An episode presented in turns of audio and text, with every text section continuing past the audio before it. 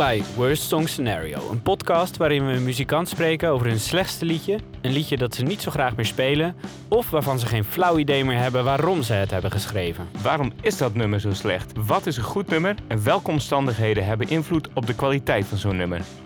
Ik ben Wilbert van den Kamp. Ik speel wel eens wat, maar schreef nog nooit een echt nummer. En dus ook geen slechte. En ik ben Harmen Ridderbos. Ik ben muzikant en ik weet er alles van. In deze aflevering spreken we Inge van Kalkar. Je kunt haar kennen van Inge van Kalkar. En aan het einde van de aflevering speelt ze natuurlijk haar slechtste liedje voor ons. Wilbert, we hebben net Inge van Kalka geïnterviewd. Hoe vond je het? Ja, leuk. Heel stiekem. Zij wist mijn naam niet. Ja, En ik, ik had haar muziek ook nooit echt geluisterd eigenlijk. dus Dus ik, stiekem was je niet voorbereid. Nou ja, ik wist wel wat. Maar, Ja. maar gewoon echt, echt, echt weinig. En ik vind dat ergens ook wel leuk. Want Ja. bij, bij onze eerdere gasten had ik veel meer geluisterd naar hun muziek. Ja, Ik heb er een, een, enorm beeld bij nu. En Ja. eh, ik heb ook, eh, ben ook heel Ben- erg benieuwd nu ben eigenlijk. je benieuwd. Ja, ja, precies. Ja, leuk. Ik vind het eh, heel erg grappig om van iemand te horen hoe het dan voelt om een switch te maken. En dat het heel intuïtief kan blijkbaar. Want om een beetje te verklappen, Inge vertelt dat ze is overgestapt van muziekstijl ergens halverwege En eigenlijk carrière. ook van emotie. Ja? Nee, heel herkenbaar. Ik denk dat dat niet alleen in muziek zo is, maar dat het in het leven zo is. Dat je verschillende fases hebt waarbij je eigenlijk dingen doet die passen bij die fase. Of misschien die volwassenheid. En dat is niet dat die eerdere muziek minder volwassen was, denk ik. Maar ik vind het grappig om erover na te denken hoe die fases op elkaar volgen. Ja, en ook dat je soms kan kiezen voor muziek die misschien meer eenduidig is en Ja. alleen maar vrolijk. En soms muziek die ook echt verschillende dingen in zich draagt. Ik vind dat wel, wel tof.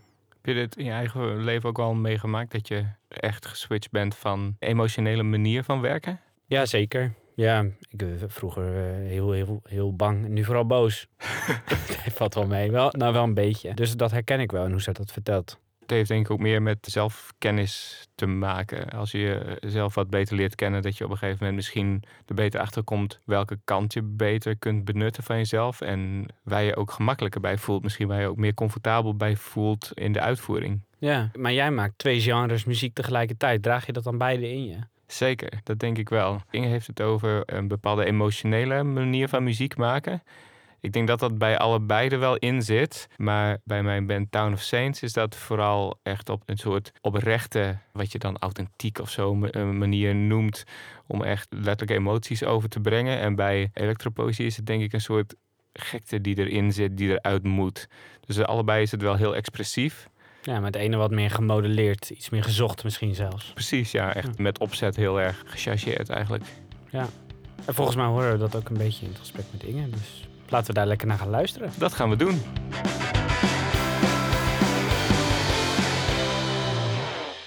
Hallo Inge, Hoi Harmen, wat leuk dat je er bent. vind ik ook. Spannend. Ja, Heel leuk. ja, Wilbert, leuk dat jij er bent. Ja, dankjewel Harmen. Ja, Hallo Inge. Hoi Wilbert. Hallo. Nu weet ik hoe je heet. Daar ben ik Ja. ook wel blij mee. Ja, precies. ik zocht al manieren om jouw naam te vinden zonder dat het awkward zou worden. Maar, eh, Precies. Nou, gelijk ongemakkelijk. ja. ja. Ja. Maar eh, Inge, hè? ja. Ik weet hoe jij heet. Maar stel, ik weet niet hoe je heet en ik weet ook niet wat voor muziek je maakt. Wat voor muziek maak je? Nou, ik maak tegenwoordig elektroonpop. Is het eigenlijk? Ja, het is popmuziek met veel elektronische elementen. En het is een beetje alternatieve popmuziek. Het is niet zo alternatief als... Ik denk dat Evie de Visser bijvoorbeeld alternatiever is. Ja. Ik zit dan wel iets meer in het midden. En mensen op Radio 2 die noemen het wel eens Kylie Minogue. Daar kan ik ook niet helemaal in vinden. Maar ergens in het midden zou je mij kunnen tegenkomen. Tussen Evie en Kylie. Ja. Je hebt wel een liedje met dezelfde titel, hè? Spinning Around. Ja. Ja, klopt. Dat zag ik, Ja. ja. Toevallig. Of is het een cover? Dat zeg ik niet. Ah. en als mensen die vraag aan je stellen, vind je dat dan een, een irritante vraag? Hoe is het om je eigen muziek te klassificeren of in te delen? Nou, ik vind dat wel moeilijk. Ik vind het helemaal niet irritant hoor. Dat is een hele logische vraag voor als je de muziek niet er meteen bij kunt horen. Alleen ik vind het klassificeren wel moeilijk, omdat ik ook weer niet zulke duidelijke inspiratiebronnen heb. Sommige mensen zijn heel erg geïnspireerd door iets en weten zelf ook dat het daar dan een beetje op lijkt. Dat heb ik niet zo, dus ik vind het vooral zelf moeilijk om te duiden, zeg maar. Maar eh, ik vind de vraag niet vervelend. Vind je het ook interessant dan om juist verschillende stijlen te gebruiken? Of eh, verschillende invloeden, omdat je zegt ik heb niet zo duidelijk één invloed. Vind je het dan leuk om juist verschillende dingen te combineren? Bij mij is het muziek maken helemaal niet zo'n bewust proces. Dat ik denk van, oh, ik wil dat basje van Radiohead ook een keer doen. Of die, die sound of dat nummer spreekt me zo aan. Ik wil iets soortgelijks maken. Nee. Dat zit er echt wel in hoor. Onbewust pak je dat zeker mee. Maar omdat het zo indirect is voor mezelf, kan ik niet zeggen van ja, ik pik het expres uit allerlei hoeken. Dit is echt een onbewust ding. Kom je er later achter dan? Ja, soms wel. Soms hoor ik achteraf wel van, oh, dat is wel de tijd dat ik veel uh, Sufjan Stevens heb geluisterd. Ja, precies. Leuk. Ja. Jij dan? Of mag ik ook vragen terugstellen? Ja, dan knip ik er gewoon uit. nee, ik heb het ook al een beetje hetzelfde. En soms tijdens het schrijfproces denk je wel, ja, dit is wel eh, duidelijk ergens op geïnspireerd. Ja. Maar soms kom je er ook al na een tijdje achter van, oh, deze plaat die heb ik toen geschreven. Dit lijkt inderdaad wel heel erg op Ja. Vampire Weekend. Ja, precies. Dat had ik dan ja. weer. Ja. Ja. Ik heb het wel eens gehad dat ik een nummer had bedacht. Ehm yeah, you can keep on there what them I feel the same about you. Ja. En ik dacht, wat is een hit joh, dat het nog niet bestaat. nou, dat bestond gewoon al. Shit. Texas. Wel te gek nummer ja. trouwens. Ja. Ja. Hoe komt dat dan, denk je? Dat je dat zo los kan koppelen? Ja, dat weet ik niet. Ik heb het ook wel dat je een nummer in je hoofd hoort, maar dat je niet precies weet welke band het is. En dat je hem dan compleet met verkeerde stem en in een hele andere eh, genre hoort. Dat je dan hoor je ineens een country versie van Jeff Buckley of zo, wat in het echt gezongen is door, eh, nou, ik weet niet door wie. Maar dan duurt het eeuwen bij mij voordat ik erachter kom. eh, dan moet ik hem echt zingen en dan komt er weer een woordje bij. Weet je wel, zo'n ongrijpbaar nummer ergens achter in je hoofd. En dan blijkt dat het compleet anders is. Dus ik, ja, je hersenen kunnen gewoon, die spelen trucjes met je. Nou ja, ik heb eens zo'n eens zo'n lijst heb ik in Spotify. FI, die heb ik van een ex. How to Confuse Drunk People heet die. Ja. En daar staan allemaal van dat soort versies, maar dan in andere talen. Wat leuk! Dat idee is een beetje als een droom. waar Als je wakker wordt, dat je dan denkt... Was ik nou echt in die situatie? Of, of is het nou een herinnering? Ja. Of is het nou een, eh, was het nou een droom? Ja, En dat is dan met zo'n liedje dus ook eigenlijk... Is dit liedje nou echt? Of bestaat dit al? Of, ja, ik denk dat onbewust dat je vaak wel een flart pakt van een liedje dat je kent. Dat je dat gewoon stilt of pakt, maar dat je dat absoluut niet doorhebt. Dat, eh, dat je dat al ergens vandaan hebt gehaald. Maar bij Texas was dat gewoon een heel duidelijk voorbeeld. Mijn hersenen stopten maar niet met eh it's yours, it's yours. Totdat ik ineens besefte, wacht even, dit... eh, Echt dit- exact ja. dat liedje, ja. En maak jij altijd al dit soort muziek of is dat veranderd over de jaren? Ja, dat is wel veranderd. Eh, nu moet ik zeggen, het is ook een beetje heen en weer gegaan. Ik maak al heel lang muziek. Ik heb eerder een band gehad met Sanne Hans. Dat heette Isis en dat was ook een beetje een folky pop duo. Speelde op twee akoestische gitaartjes. En ik had meer de folky invloeden, denk ik. Beetje Nick Drake-achtig. En zij had iets meer de pop invloeden van eh, bijvoorbeeld Case Choice.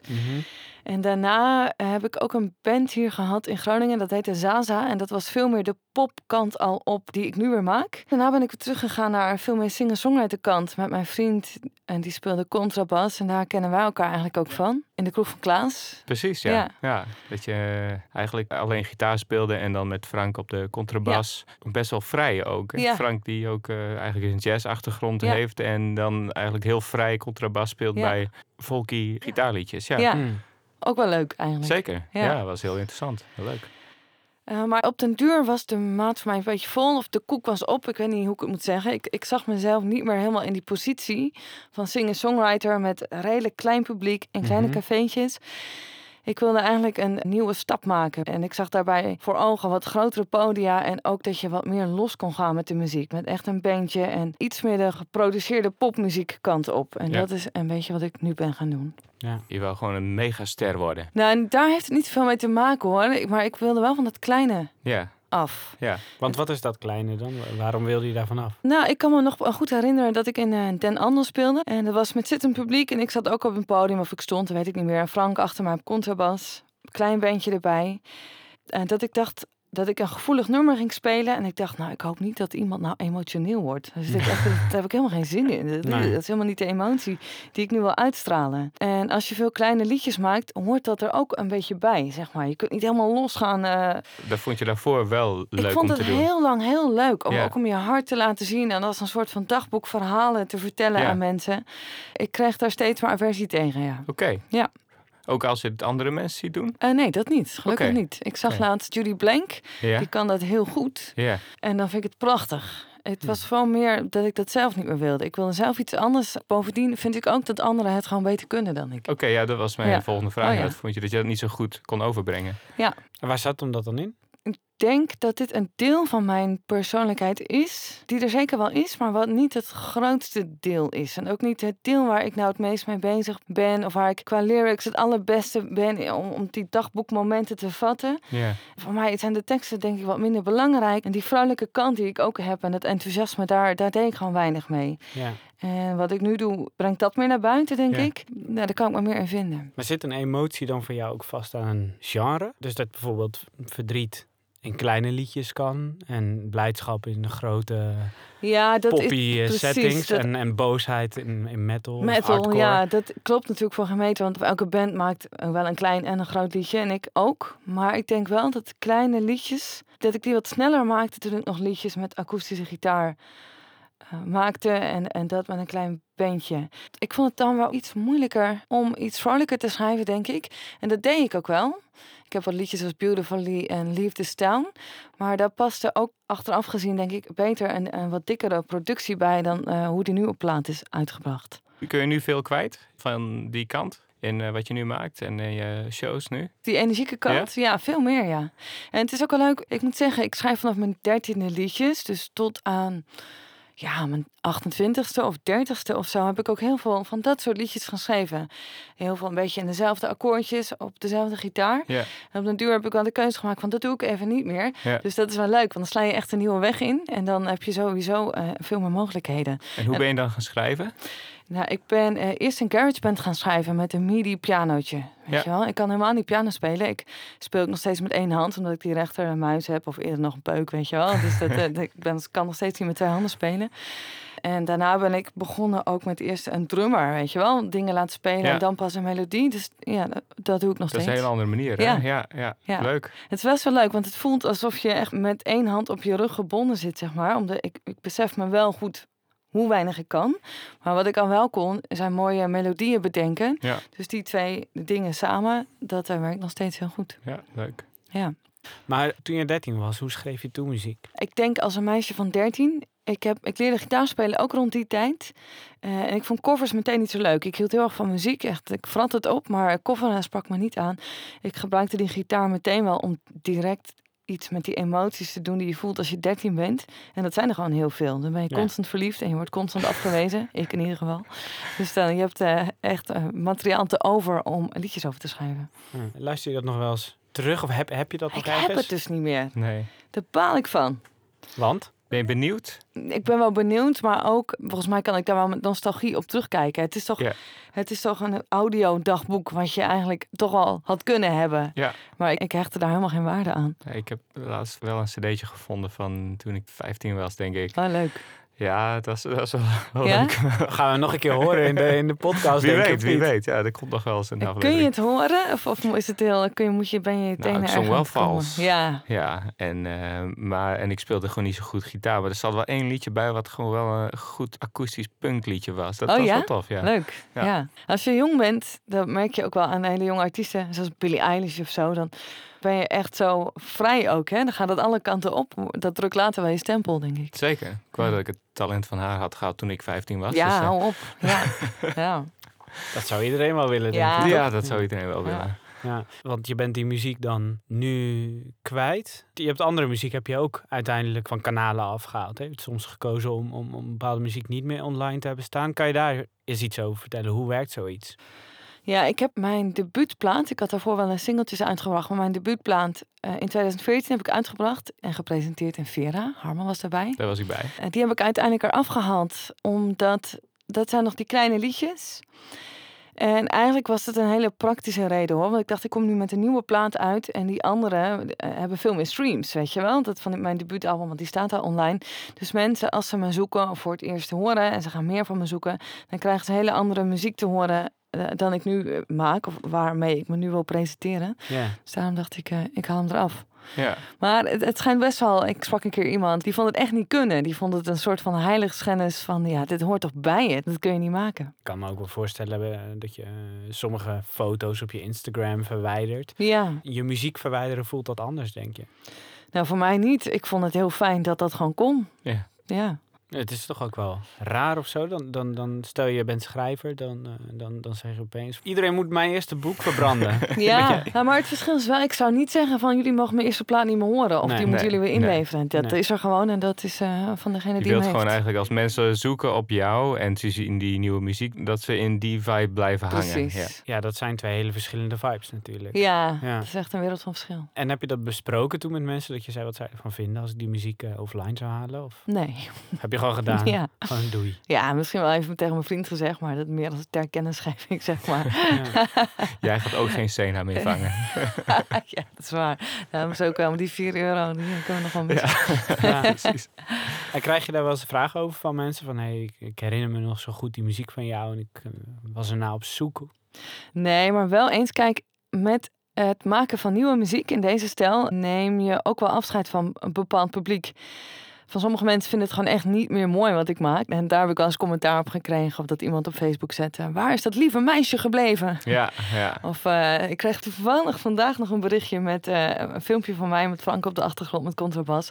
De goede oude tijd met zo'n traantje. Ja. Dus, eh, ja, de, het is wat het is. Is het lief bedoeld? Ik weet het niet. Kun je niks mee, hè? Nee, maar ik, ik snap het ook wel. Het is iemand die dat echt heel leuk vond. Ja. Die ook vaak kwam kijken. En die, en die daarmee aangeeft van ik vond het heel tof. En die kreeg dat zelf als herinnering op Facebook precies, natuurlijk. ja. Dus ja, die wilde dat er gewoon even laten weten. Ja. Ik denk wel dat uiteindelijk dat het lief bedoeld is. Muziek maak je natuurlijk deels voor jezelf, maar je hebt ook fans, mensen die naar je kijken. Kunnen mensen dan altijd mee met die veranderingen die jij ook doormaakt? Of blijven sommige mensen hangen? En er zijn wel een paar mensen die mee zijn geweest met plaat 1 en 2, zeg maar. En die zijn nog steeds, dat is heel leuk. Maar ik heb ook wel het idee dat er nu veel nieuw publiek is. En is dat dan nog van belang of dat een grotere groep is of zo? Of heb je daarom niet dat besluit genomen?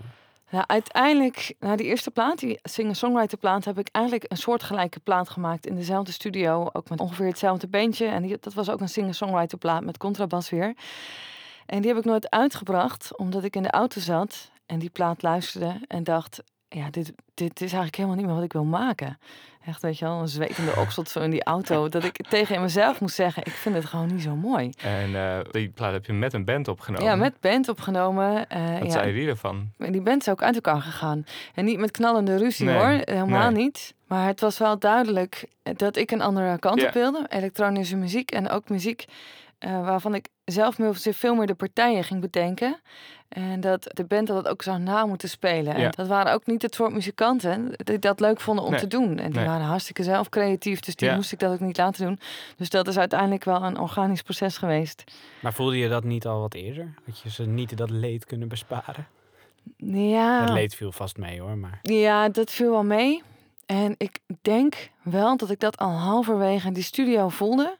Maar ook een beetje dacht van mezelf, dit is nou eenmaal het pad. Je moet wat- doorzetten. Ja, dit is Ja. wie ik ben, dit is Ja. wat mensen van me verwachten. Eh, ik denk dat ik dat eh, eigenlijk achteraf al eerder wist, maar dat niet zo durfde te zeggen. Of toe te geven aan mezelf. Op zich toch een hele knappe stap om dan wel te zeggen van ja, ik ga hier niet het hele proces. Want ik weet wat voor proces het is Ja. om zo'n album uit te brengen. En dat is een net zo'n energievretend proces als die plaat zelf maken. Wat ook gewoon heel veel kost en oplevert. Maar je bent er wel echt een half jaar mee bezig met heel veel werk. Maar ik had dit wel nodig ook om te realiseren dat ik dit niet meer wilde maken. Dit moest, ja, dat vond ik pas toen die af was, dacht ik van, eh, ja, dit, is- nu weet ik het zeker. Nu Dat niet, die ja, Nu niet. weet ik zeker dat ik alles van de afgelopen maanden niet wilde. Heb je hem nog? Eh, ja, als WAV-files. Ik heb hem nooit natuurlijk als fysiek Nee. eh, product laten drukken. Zo'n uh, massagist ben ik nou ook weer niet. Je hebt er wel een backup van. Ja, Dus wie weet ooit nee joh. komt er nog een soort hidden files. Ja, nee, dat ga ik niet doen. Nee. En je bent dan eigenlijk een beetje qua, heel kort door de bocht, als je dat zo zegt, van emotieregister geswitcht. Denk je dat je zoiets nog een keer mee gaat maken in je leven? Dat je denkt, oh, nu ga ik weer hele andere muziek maken. Dat weet ik niet. Want wat ik wel weet in de, in de loop der jaren is dat ik mezelf eigenlijk helemaal niet zo goed ken. Want ik had niet verwacht dat ik dit ooit zou doen. Dus ik kan alleen maar zeggen van, nou ja, dat weet ik inmiddels van mezelf. Dat ik er, er valt geen pijl op te trekken. Wie weet. eh, ik denk nu van niet, want ik ben waanzinnig trots op de laatste twee albums. Maar ik was net zo trots op die eerste. Dus ehm, I don't know. Ik kan me dat ook wel voorstellen, dat je, dat je op een gegeven moment gewoon verrast wordt. En dat je denkt, oh, dit? Nou, oké. Blijkbaar is het maar Ja. zo. Want je zegt eigenlijk, hé, wat ik nu doe, dat past veel beter bij me. Of in ieder geval Ja. beter bij wie ik nu ben.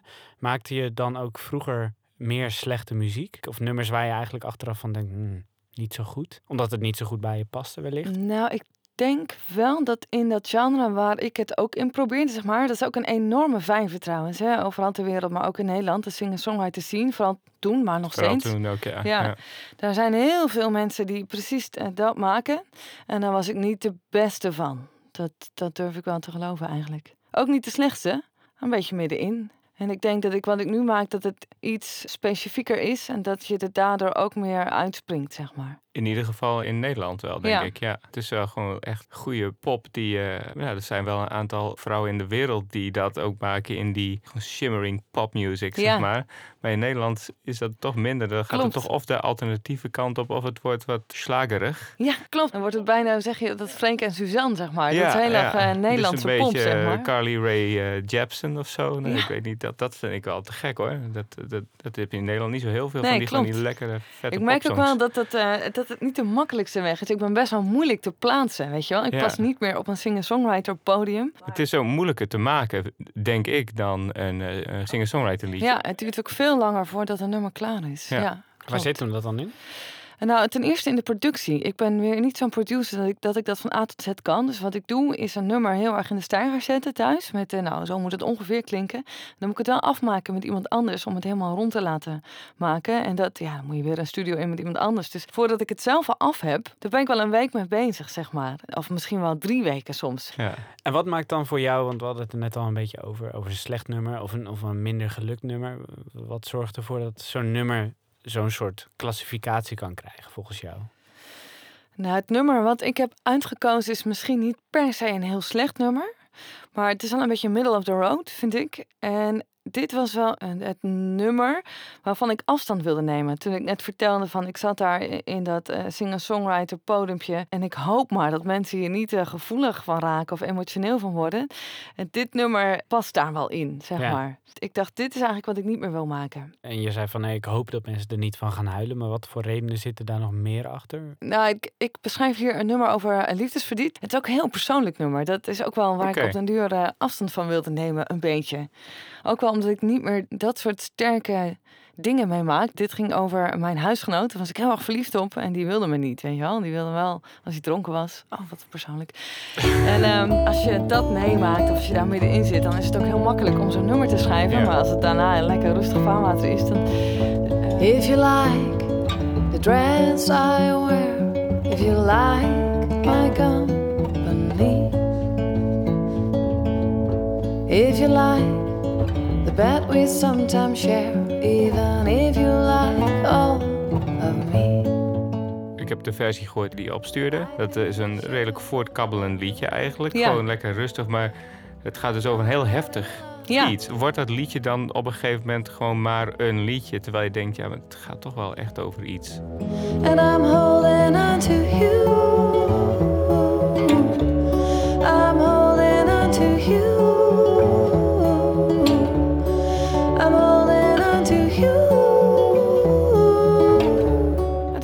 Wel mooi benoemd, want uiteindelijk, kijk, er zijn natuurlijk heel veel liedjes. En er zijn heel veel liedjes over afwijzing en liefdesverdriet. En ik denk dat ik de, de lyrics zijn heel duidelijk in dit nummer.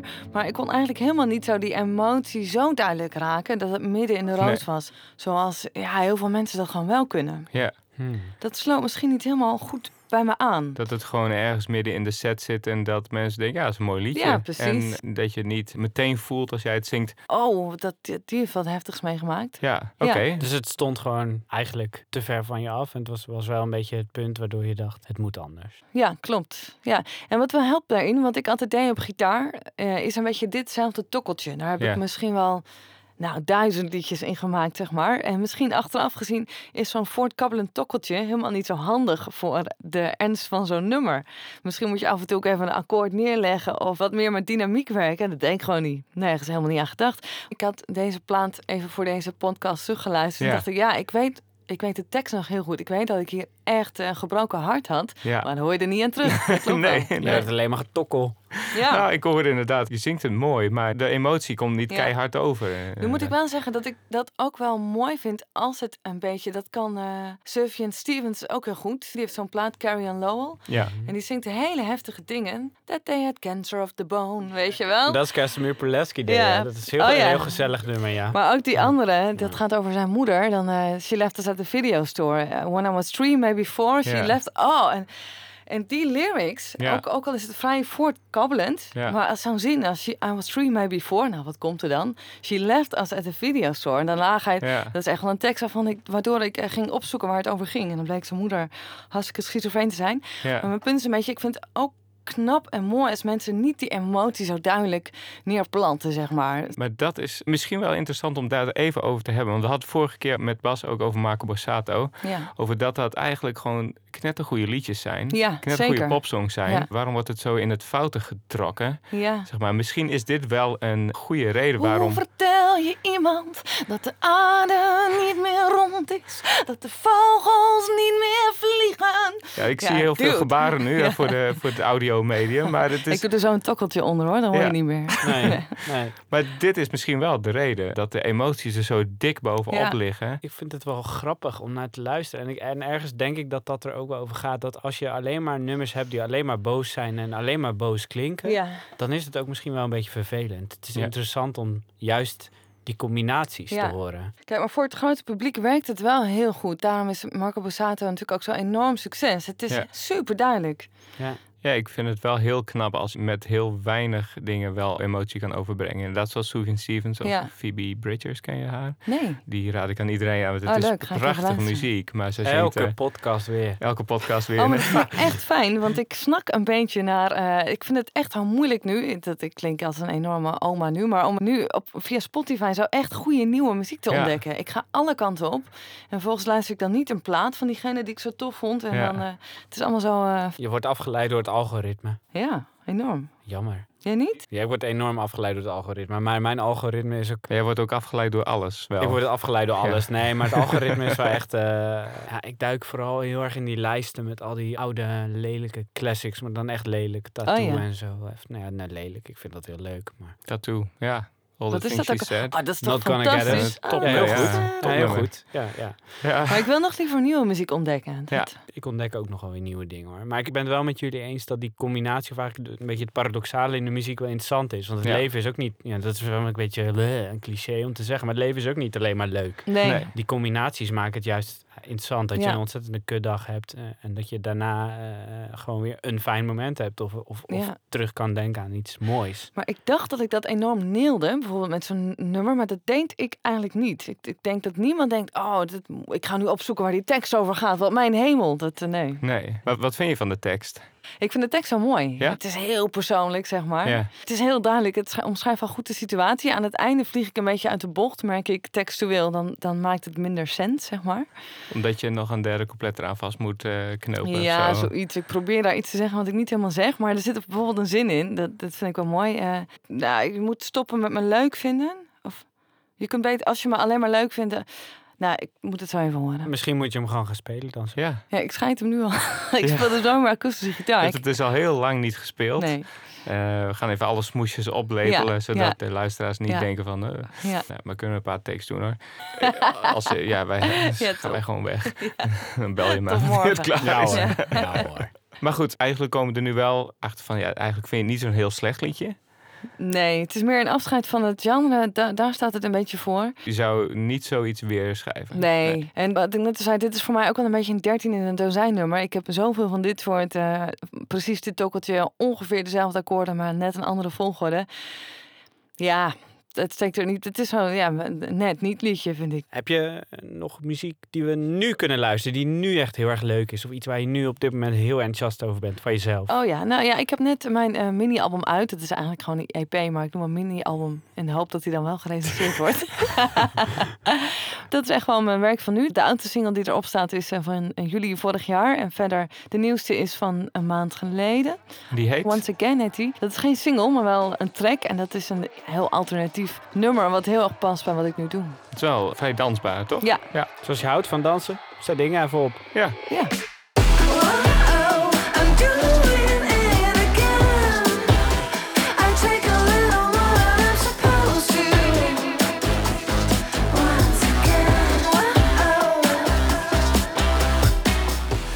Januari gaan we dit album ook presenteren in Simplon. Het is al voor de honderdste keer verschoven, maar het ziet er naar uit dat dit doorgaat. En dan wordt echt een waanzinnig leuke show. En eh, hoeveel mensen mogen daar naar binnen dan? Ja, ik denk 30, maar we houden gewoon net zoveel shows. Zodat iedereen naar binnen kan, zeg maar. Er zijn nu al drie uitverkocht, geloof ik. Wat maar goed. We doen nog wel meer. Dan gaan we dus nu luisteren naar jouw slechtste liedje, tussen aanhalingstekens. En dat is Holding On To You. Mhm. Dankjewel Inge. Nou. Leuk dat je er was. Heel Ja, leuk. ik vond ik ook. Nu komt het moeilijke gedeelte. Nou, dit is eh Holding On To You.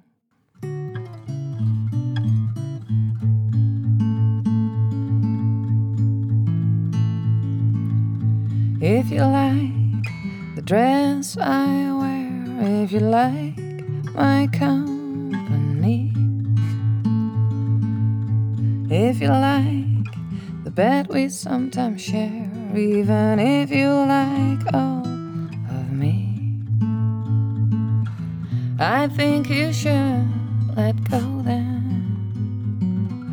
You're not in love with me. And I'm holding on to you. I'm holding on to you.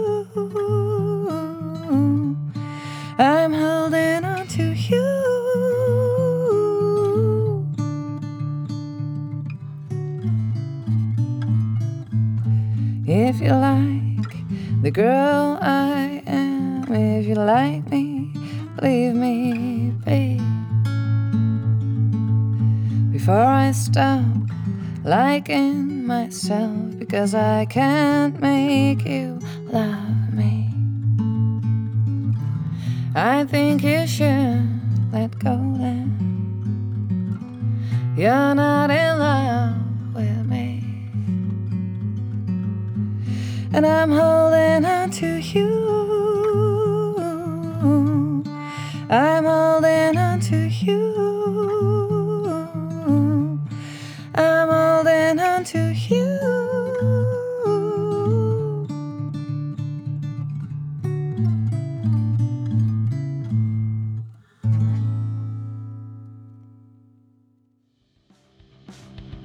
Bedankt voor het luisteren naar Worst Song Scenario. Wij zijn Wilbert en Harme en wij maken deze podcast in samenwerking met Spot Groningen en het Eeuwigdurend Collectief. We zijn benieuwd wat je van deze aflevering en van het liedje vond. Positief? Laat dan een review achter op je podcast app en abonneer je. En oh ja, ken of ben jij een artiest met wie we in deze podcast een keer zouden moeten praten? Stuur dan een mailtje naar ik kwam jou tegen at Tot de volgende. Moi. Het